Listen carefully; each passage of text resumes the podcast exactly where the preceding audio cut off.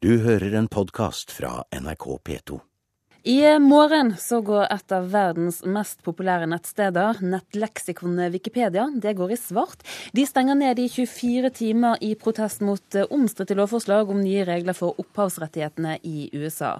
Google og Facebook har også truet med protester, fordi dette truer ytringsfriheten.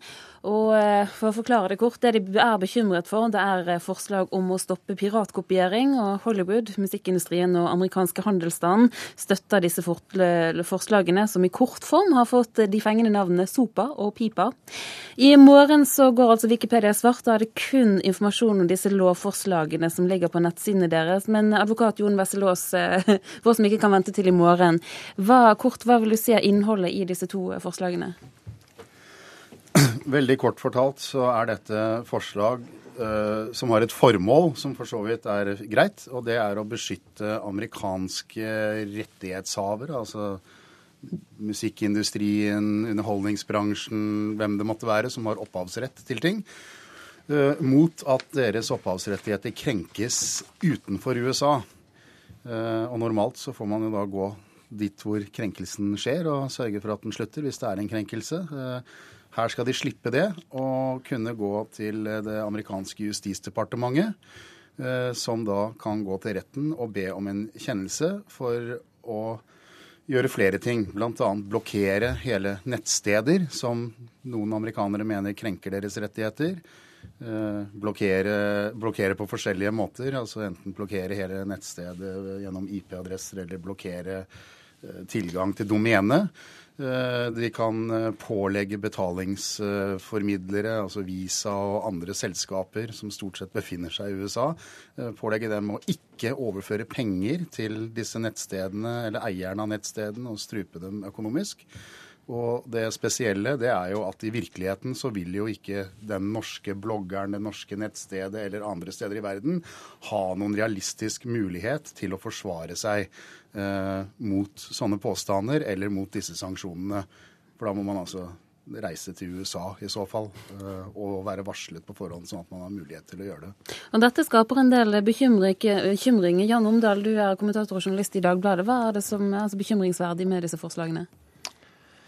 Det er jo, det er jo flere, flere, aspekter ved dette som er problematisk. Det har jo dels et hva skal vi si, teknisk aspekt. Man er redd for at hvis man begynner å tukle med dette underliggende systemet av lenker mellom alle eh, tjenester på nettet. Det er jo en slags telefonkatalog som ligger under der og passer på at alle snakker med alle, og at internett virker. Og hvis man begynner å skru av ting, fordi noen mener, eh, uten at det rettslig er bevist, at her er det en rettighetskrenkelse, så kan det rett og slett få eh, effekter for, for, selve nettets infrastruktur. Og dette har da bl.a. en del av disse gutta som i sin tid fant opp internett på 60-tallet, vært ute og protestert mot. Og det kan vel se ut som om de, den verste formen for den typen blokkering kanskje nå er ute av forslaget, men det ligger andre forslag inne. Så har det jo da en rettssikkerhetsdimensjon, som Jon Wessel var inne på. altså Eh, du bare stenges ute fra nettet, og så kan du eventuelt, etter at denne avstengingen har skjedd, sette deg på flyet til en eller annen småby i USA med advokat og prøve å forsvare deg og bevise at du ikke har gjort noe galt, og komme deg på nett igjen. Så har du en ytringsfrihets- og forsamlingsfrihetsdimensjon. Altså vi mister tilgangen i verste fall til nettstedet vi alle bruker, og som i hovedsak har eh, legitimt og lovlig innhold fordi noen mener at noe av innholdet der ikke er lovlig. Ja, eh, og det er jo det som er eh, skremmende, bortsett fra det, muligheten for å på en måte ødelegge eller undergrave nettets tekniske struktur, infrastruktur. Men det er jo eh, muligheten for bevisst eller ubevisst misbruk. da. For det første, det å stenge hele nettsteder fordi det angivelig finnes noe der som er ulovlig, det er jo også da en sensur av alt det andre som er på nettstedet. Og nettet kjennetegnes jo ved at innholdet er dynamisk. Endres fra en dag til en eh, I morgen kan alt være mm. lovlig, men da er du stengt ute. Det andre er at du kan misbruke opphavsretten til å kvele ytringer som du ikke liker, enten du er myndigheter eller en stor kommersiell aktør.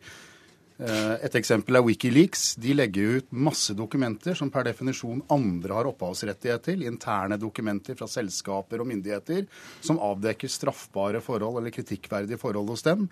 Det er da fort gjort å gå og si dette er dokumenter vi har opphavsrett til, når vi har stengt eh, tilgangen på Wikileaks og strupe dem økonomisk, som man for så vidt nærmest har klart allerede uten den lovgivningen. Uten lovgivningen. Men har man noen norske paralleller, Jan Ungdal?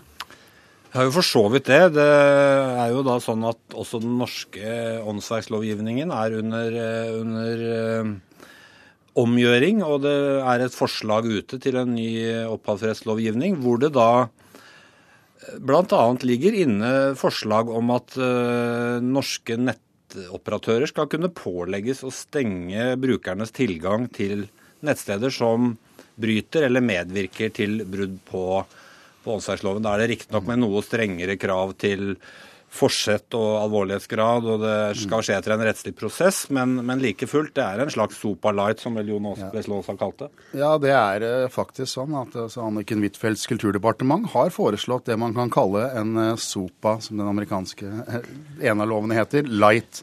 Uh, og selv om den er uh, en light-versjon, så er uh, det som er farlig med den, er også at den det gjelder, vil ofte ikke bli involvert.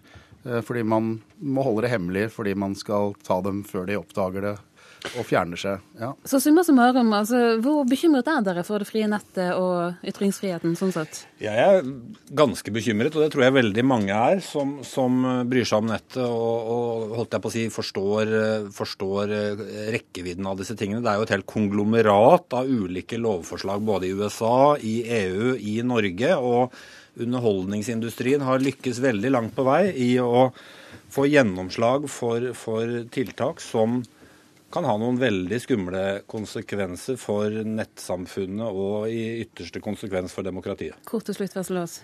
Ja, Det som er synd, det er at her har ofte myndigheter og sterke kommersielle interesser felles interesser, men med forskjellig begrunnelse. Noen vil beskytte sine kommersielle interesser, andre vil beskytte seg selv mot uh, ukontrollert kritikk mot regimer. De har begge en interesse av å få kontroll på det de opplever som litt uregjerlige ytringskanaler, hvor, hvor, borgere kan kommunisere fritt seg imellom. Jon Wessel og Jan Omdal, takk for at dere var med oss her i Kulturnytt. Du har hørt en podkast fra NRK P2.